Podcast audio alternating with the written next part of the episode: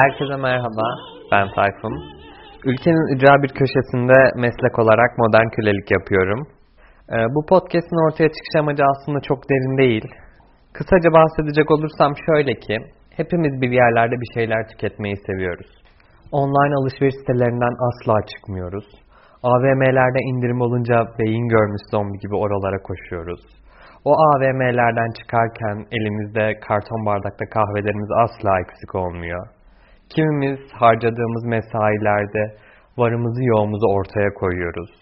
Kimimiz ise boş zaman geçirmekten aşırı zevk alıyor.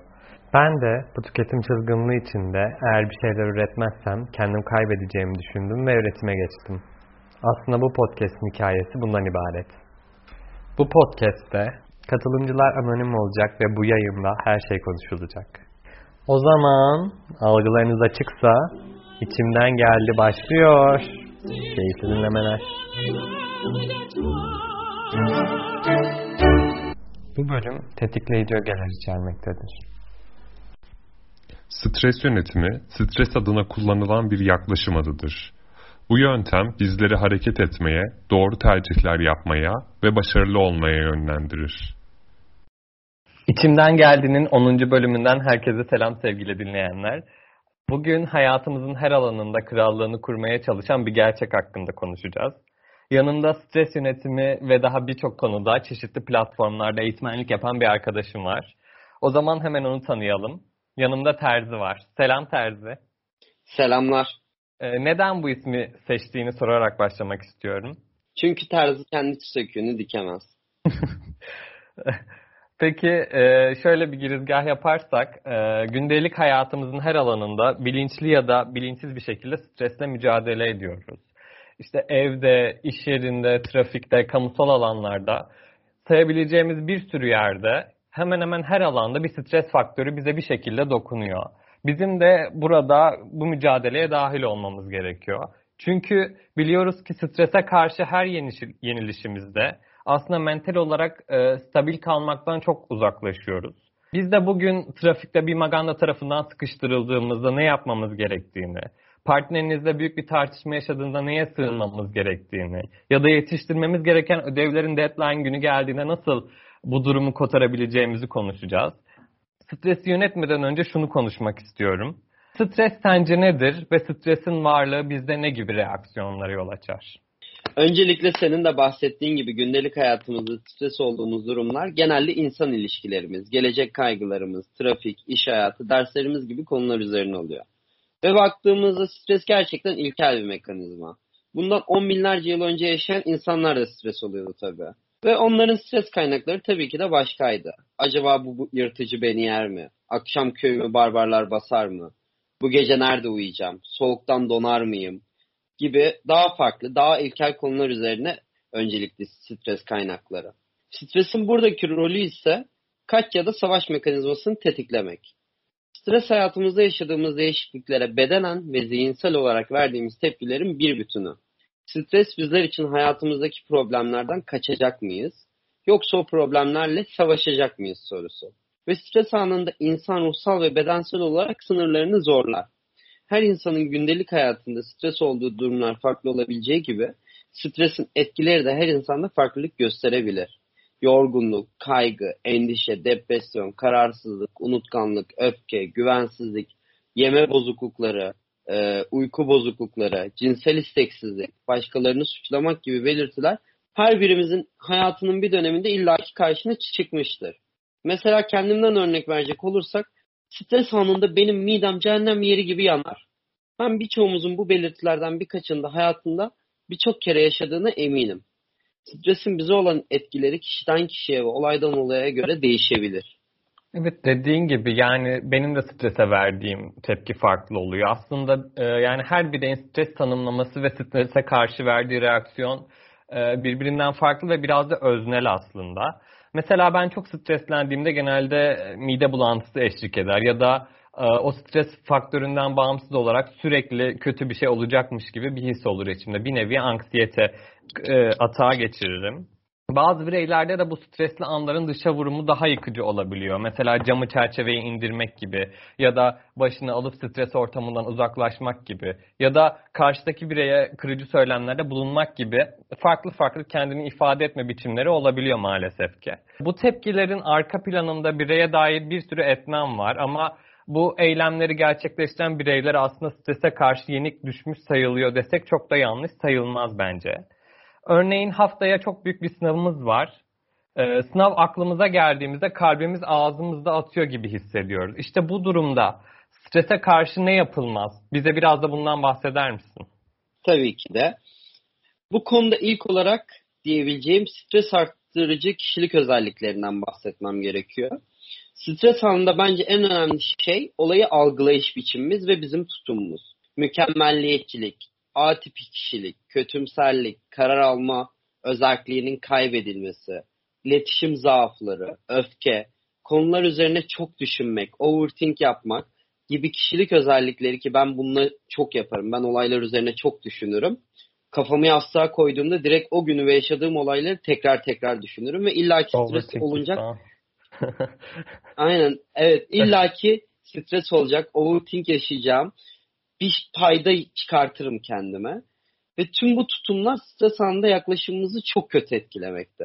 Bunun dışında stres anında saldırganlık, içe kapanma, alkol ve sigara bağımlılığı, kötü beslenme, e, stres faktörünü görmezden gelme, başkalarını suçlama, inkar ve bastırma gibi kendini kandırmaya yönelik tutum ve davranışlar endişelenme, hayal kırıklığına uğrama, sıkıntıları içine atma ya da işte öfkeni başka insanlara yansıtma gibi davranışlar stres kaynağıyla savaşmamızı ve o problemi yenmemiz değil sadece bir süreliğine kaçmamızı sağlar.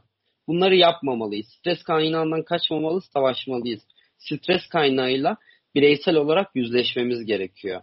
Yani birçoğumuz bu podcast dinleyenlerin birçoğu aslında bu yapılmayacak listesini sık sık deneyimliyordur. Mesela sen de dediğim gibi ben de e, overthink konusunda yani üzerine düşünme konusunda e, çok büyük sıkıntılar yaşayan biriyim. E, başımız sıkıştığında Tabii ki kaç... çağın, çağın en büyük problemlerinden biri bence overthink. Evet yani bence de yani ya da başımız sıkıştığında kaçmak, e, suçu işte en yakınına atmak, o an yanımızda kim varsa, günlük hayatımızda farkında olmadan yaptığımız şeyler, çoğunu bilinçli olarak yapmadığımızı düşünüyorum ben. Yani bu bir hani biraz daha öz savunma mekanizması gibi geliyor bana. Ama bu saydıklarından bazıları kısa dönemde bireye belki e, faydalı gibi gözükse de uzun dönemde daha büyük sorunlara yol açabiliyor. Mesela trafikte maganda örneğini vermek istiyorum ben. E, yaklaşık bir yıldır araç kullanıyorum. Çok profesyonel sayılmam. Ve ne zaman e, trafiğe çıksam aslında stresim de benimle birlikte şoför koltuğunun yanındaymış gibi geliyor. E, sürekli bana şunları fısıldıyor. Acaba şu arkamdakine yol versem mi? İşte arkamdaki bana sellek attı ne yapsam? Bu araç önüme kırdı, kornaya basıp küfür mü etsem? Yanımdaki araç beni sıkıştırdı. Üzerime sürüyor, kaç kaç kaç kaç. Yani aslında stresin bu durumda şöyle bir özelliği var bence. E, trafikte biraz da hayatta kalmamı sağlıyor gibi. E, bir de ben aşırı kötü kullandığımı da düşünmüyorum trafikte ama kötü kullanan onlar ve ben onların bu kötü sürüşlerinin anksiyetesine her gün trafikte yaşıyorum. Yani uzun lafın kısası bunları sallamayan gayet rahat ve stressiz biri olsa mutlaka bu magandaların arasında her gün kaza yaparım diye düşünüyorum. Sence de yani bu örneğe istinaden şunu sormak istiyorum. Stres biraz da varlığını hissetmemiz gereken bir şey mi? Yani tabii ki de. Daha önce de söylediğim gibi stres insanlar için ilkel bir mekanizma ve bizler için bir tetikleyici aslında. Burada e, Yerkes-Dawson yasasından bahsetmek istiyorum. Tabii meraklıları uzun uzuya diye araştırabilir ama kısacası bu yasa bize diyor ki bizim strese ihtiyacımız var. Fakat bu aşırı bir stres düzeyi değil. Hayatımızda gereken optimal stres düzeyini keşfetmemiz lazım. Yapılan araçlı, araştırmalarda stresin verimliliği arttırdığı ortaya çok net bir şekilde koyulmuş. Fakat stresin bizi yiyip bitirmesine de izin vermememiz gerekiyor. O zaman kısacası şunu söyleyebiliriz. E, stresin bizi diri tutması ve yiyip bitirmesi arasında ince bir çizgi var ve bu ince çizgide kendimizde dair mental olarak sağlıklı yolu bulmamız gerekiyor. Bu stres faktörleri avucumuzun içine alıp puf diye olumlayacağımız bir e, sistem inşa etmemiz gerekiyor. bunun kısa dönemde kendimizi toparlayıp yaşama devam etmek için gerekli olduğunun da farkında olmamız gerekiyor.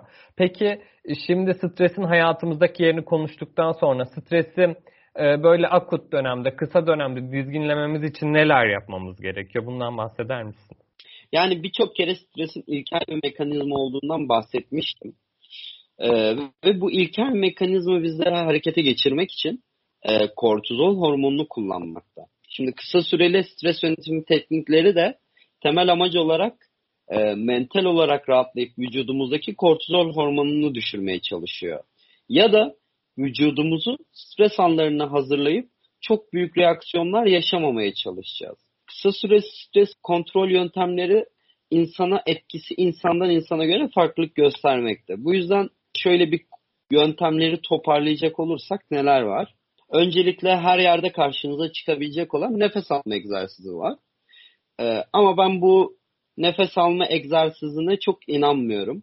Ve şu ana kadar çok faydasını görmedim. İşte 5 saniye nefesini tut, işte 2 saniye yavaşça nefesini ver falan. Ee, ben bunun çok faydasını görmediğim için üzerine Bunu... çok durmayacağım.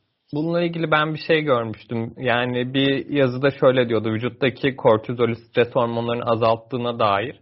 Ama ben de deneyimlediğim ve çok verim alamadığım bir yöntem nefes alma egzersizi. Evet yani ben ilginçtir hayatımda nefes alma egzersizinden yani verdiğim eğitimlerde de bir etki sağlamış biriyle de tanışmadım. O yüzden ben bunu direkt geçiyorum ki zaten internete yazdığınızda direkt karşınıza çıkan çok birkaç tane nefes alma egzersizi tekniği var. Bunun dışında meditasyon var.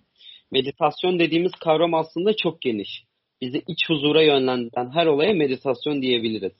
Dinsel ritüeller ya da işte sınavı uğurlu bir kalemle girme, belirli kelimeler ya da önemli bir eyleme geçmeden önce bir nesneye dokunmak gibi totemler yani bizi mental olarak rahatlatacak düzenli ritüeller stres yönetimi konusunda işimize yarayabilir. Onun dışında mizahi bakış açısı var. Ve arkadaşlar mizahi bakış açısı benim hayatımda en çok uyguladığım ve en sevdiğim yöntemlerden biri. Örnek verecek olursam çalışmadığım bir sınava gireceğim zaman fakülte kantinde otururken arkadaşlarımla birbirimize bakıp şimdi sıçacağız bakışları atıp kahkaha atmak ya da hayatımızda yaşadığımız her kötü olayda farklı anlamlar çıkartıp trajikomik tarafları yakalamamız bizi mental açıdan gerçekten rahatlatacak ve stres kaynağının aslında o kadar önemli olmadığını görmemizi sağlayacak.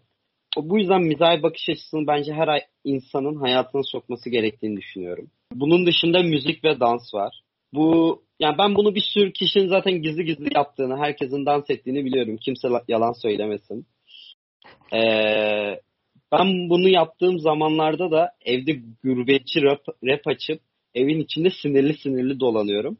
Ardından da adeta bir pamuk şekere dönüşüyorum mis gibi. Ve müzik ve dansın insan hayatında çok önemli bir yere sahip olduğunu düşünüyorum. Ve birçok kere de birçoğumuzun bizi rahatlattığını deneyimlemişizdir. Araştırma da müzik ve dansın insanları mental açıdan rahatlattığını ortaya koymuştu. Kendimizi ifade edemediğimiz o en stresli anlarda sanat stres kaynağıyla yüzleşmemize bence yardımcı olacaktır. Yani bence dünyanın en agresif bir insanı bile e, bir şekilde müzik ve dansla kendini dizginliyordur ya. Ben hiçbir insanın müzik yani tek başınayken özellikle müzik duyduğunda dans etmediğini düşünmüyorum. Evet kesinlikle öyle. Ben de senin evde bol bol dans ettiğine eminim Tayfun bu arada. kesinlikle. Bunun dışında en sevdiğim yöntemlerden biri olan ve gerçekten birçok araştırmayla da faydası ortaya konulan kademeli kas gevşetme var. Ve e, bunu yapalım istiyorum. Arkadaşlar utanmak, sıkılmak yok sevgili dinleyenlerimiz. Hepiniz ve Tayfun buna sen de dahilsin. Benim komutlarımla tamam. dediğim şeyleri yapmasını istiyorum. Öncelikle sağ yumruğumuzu ve sol yumruğumuzu iyice sıkıyoruz. İyice sıkın arkadaşlar. Sıkın sıkın sıkın ve kendinize doğru çekin kolunuzu. Ve kol kaslarınızı da sıktığınızı hissedin. İyice sıkın sıkın ve bırakın rahatladığınızı hissedin. Bu arada gözlerimizi de kapatıyoruz. Omuzlarınızı kendinize doğru çekin. Sıkın sıkın sıkın ve ardından bırakın. Başımızı sağa, sola, öne, arkaya yavaşça geriyoruz arkadaşlar. Sağa, sola, öne, arkaya. Ardından en güzel kısmına geliyoruz. Yüz kaslarımızı çalıştırmak için şöyle güzel bir 32 diş gülümseyelim. Gülümseyin arkadaşlar. Ben de gülümsüyorum. İyice gülümseyin. Yanak kaslarınızın kısa sıkıldığını hissedin. Ve ardından gülümserken kaşlarınızı da çatın. Çatın kaşlarınızı. Ve şimdi gözlerinizi de iyice bir sıkın.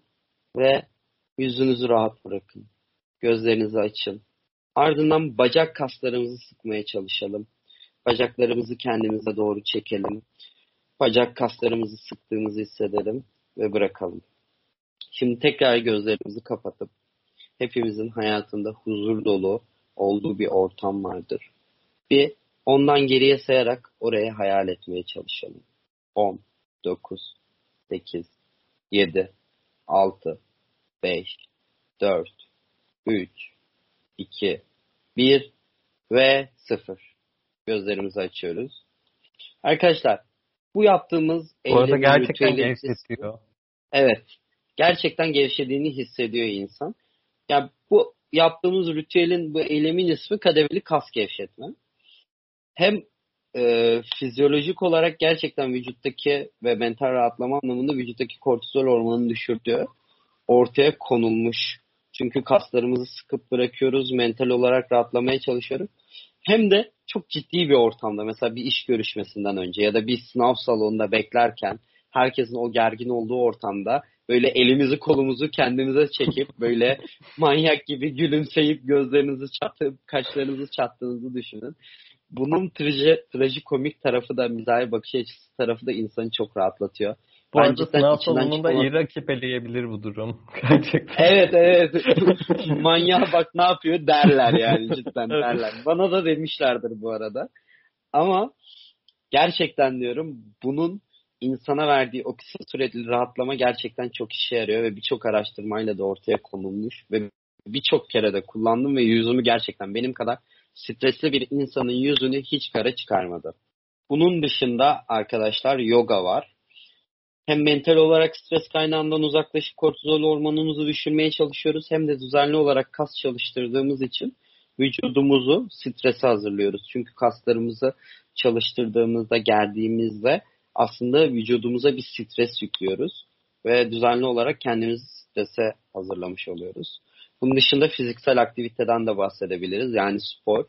Ee, benim de uzun süredir uyguladığım bu yöntem hem mental hem fizyolojik olarak beni rahatlatıyor. Sizi de rahatlatacağını düşünüyorum.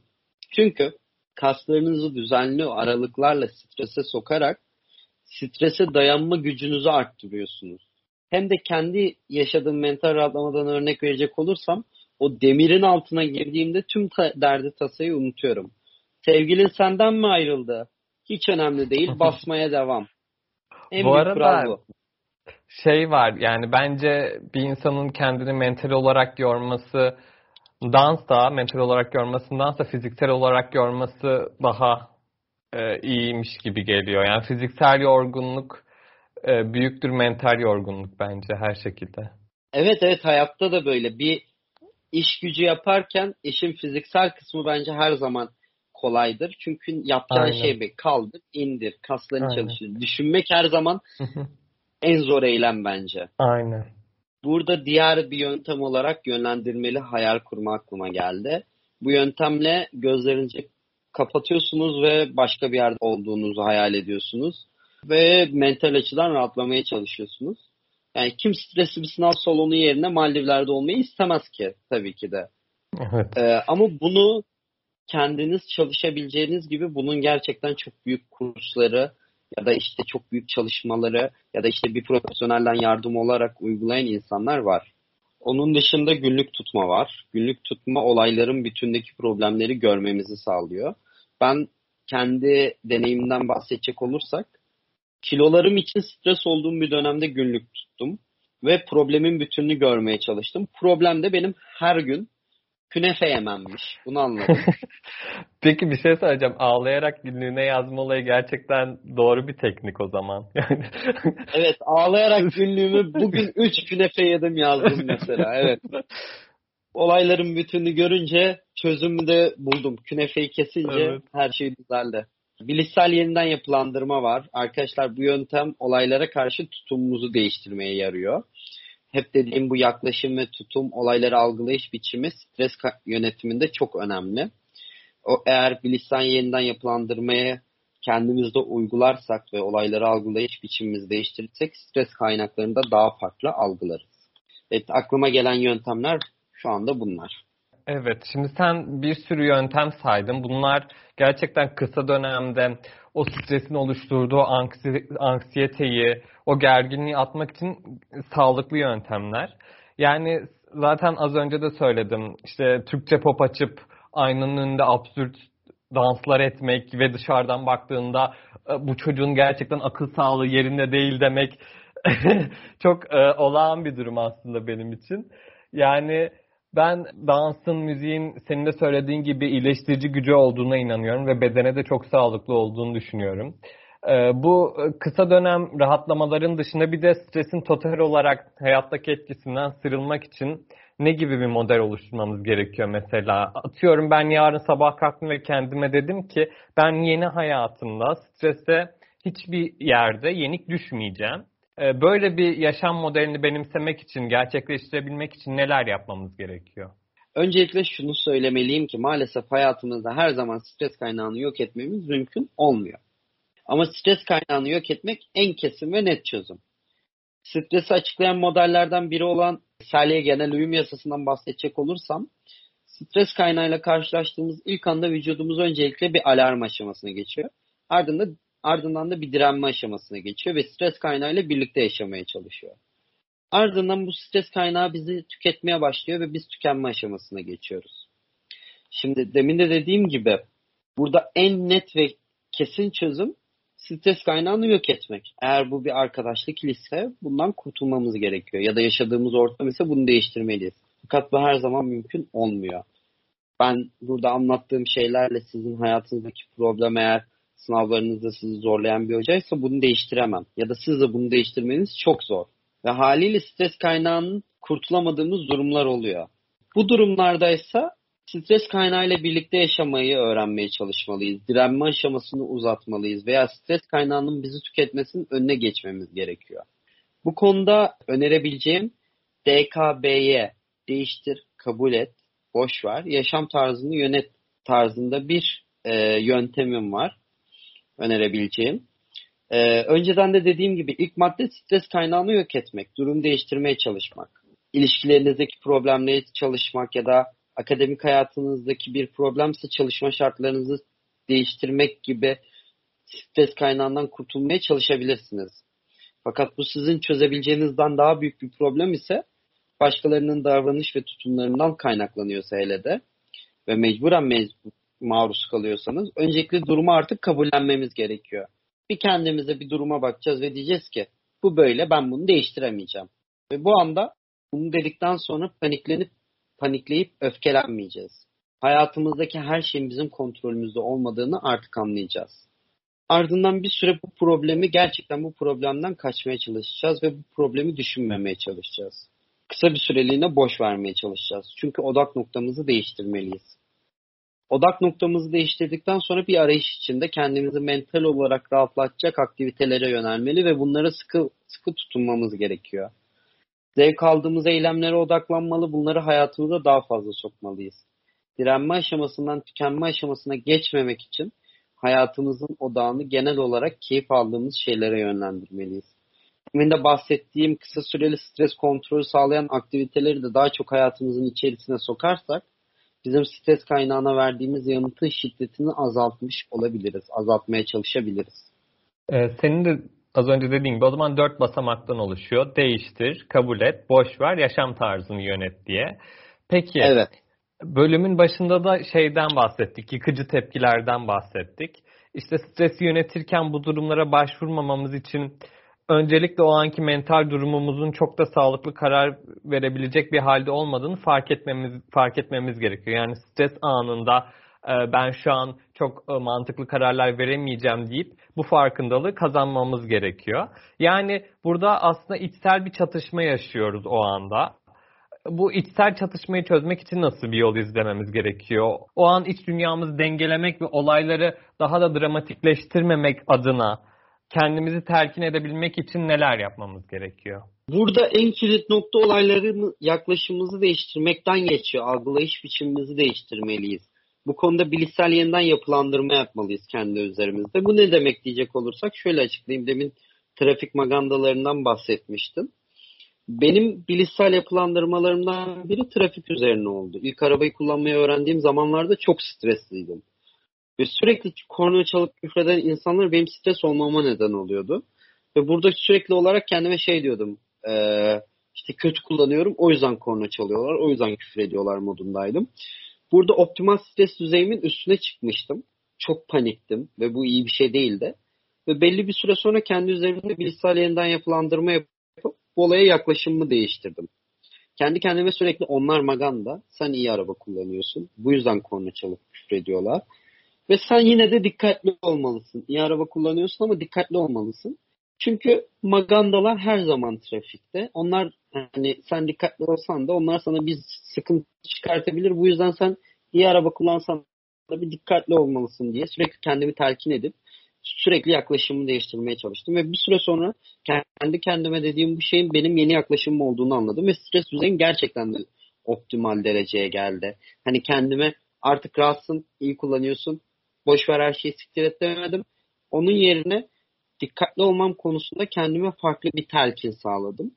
Ve bu mental olarak beni çok rahatlattı. Ve stres kaynağını algılayış biçimimi değiştirdi. Ee, yani bence Türkiye'de trafikte olmak her şekilde insanı tetikte tutuyor. Özellikle o magandalardan değilsen yani bence insanın her an tetikte olması gerekiyor diye düşünüyorum. Çok haklısın. Yani günlük hayatımızda da yani karşındaki insanın yaptığı bir mimik bile bizde strese dair bir şeyleri tetikleyebiliyor. Mesela bir iş görüşmesindeyizdir ve işverenin sana imalı bir kaş kaldırması bile içimize ay işte acaba benden hoşlanmadı mı, yanlış bir şey mi yaptım dedirtebiliyor ve işte burada senin de bahsettiğin gibi bilişsel yeniden yapılandırma tekniği fayda sağlayabilir diye düşünüyorum. E, şimdi yavaş yavaş sona doğru da geliyoruz. Ee, şunu sorayım Terzi. Eğitmen kimliğini bu sorunun dışında bırakarak cevap vermeni istiyorum. Sen hayatında stresle karşılaştığın zaman bununla baş etmek için nasıl bir yöntem izliyorsun? Daha önce de bahsettiğim gibi pek çok anlık stres yönetim tekniğini hayatıma cidden soktum. Hani sınav salonunda oturup kademeli kas gevşetme de yaptım. Sınavdan sonra sıçtım deyip güldüm de. Onun dışında fiziksel aktiviteler hayatıma gerçekten çok soktum. Düzenli bir spor hayatını hayatıma soktuktan sonra cidden rahatladığımı hissettim. Ama benim hayatımda asıl önemli olan şeyin yaklaşımımı değiştirmek olduğunu anladım. Artık hayatındaki stres kaynaklarına daha farklı bakıyor ve yorumluyorum. Bunu yapmak için de sürekli sağlıklı çekirdek alışkanlıklar kazanmamız gerekiyor bence. Sürekli kendi kendime konuşuyorum. Hani biraz TEDx konuşması gibi olacak ama e, başarabileceklerimin bir limiti olmadığını sürekli kendime hatırlatıyorum.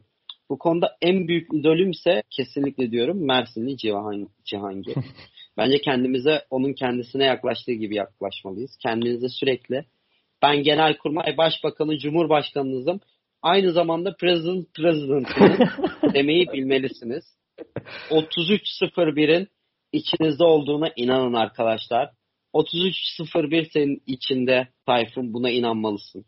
Kesinlikle inanıyorum ve bence bu söylediğinden sonra aslında biraz kendi sökünü dikebilen bir terzi olduğunu göstermiş olduğunu düşünüyorum. Yani El, evet. elbet kendi söküğümü dikeceğim. Hala üzerine çalışıyorum evet. ama elbet evet. kendi söküğümü dikeceğim. Evet. Dikeceksin. Ben de şu an bu şey Genelkurmay Başbakanı Cumhurbaşkanımızın örneğinden sonra bunu fark ettim. Ee, peki o zaman teşekkür ediyorum. Herkes dinlemesi gereken bir bölüm oldu. Ben e, hatta stres yönetiminin okullarda seçmeli bir ders olarak okutulması gerektiğini bile düşünüyorum. Ben stres yönetimini senden değil ama başka bir eğitmenden almıştım ve bunu gerçekten müfredata entegre edilmesi gerektiğini düşünüyorum. Çünkü e, bence stresin varlığını reddeden bir birey yoktur şu an aramızda ve bireylerin bununla baş edilmesi toplum sağlığını da daha iyi yerlere taşıyacak. Yani e, kolektif olarak hepimizi iyileştirecek. E, bugün yanımda olduğun için tekrardan çok teşekkür ederim Terzi. Benim için de inanılmaz bir deneyimdi Tayfun. Bu şansı tanıdığın için öncelikle sana ve bu konuşmayı vakit ayırıp dinleyen dinleyicilerimize çok teşekkür ediyorum. Fırsat vermeyin gözyaşlarına. Biliyorum söz geçmez anılara. Bugünü yaşamak dururken dargın olmayın yarınlara arkadaşlar. Stressiz bir hayat dileğiyle kendinize iyi bakın. Haykıracak nefesim kalmasa bile. Kalmasa bile. o zaman bir sonraki bölümde görüşmek üzere.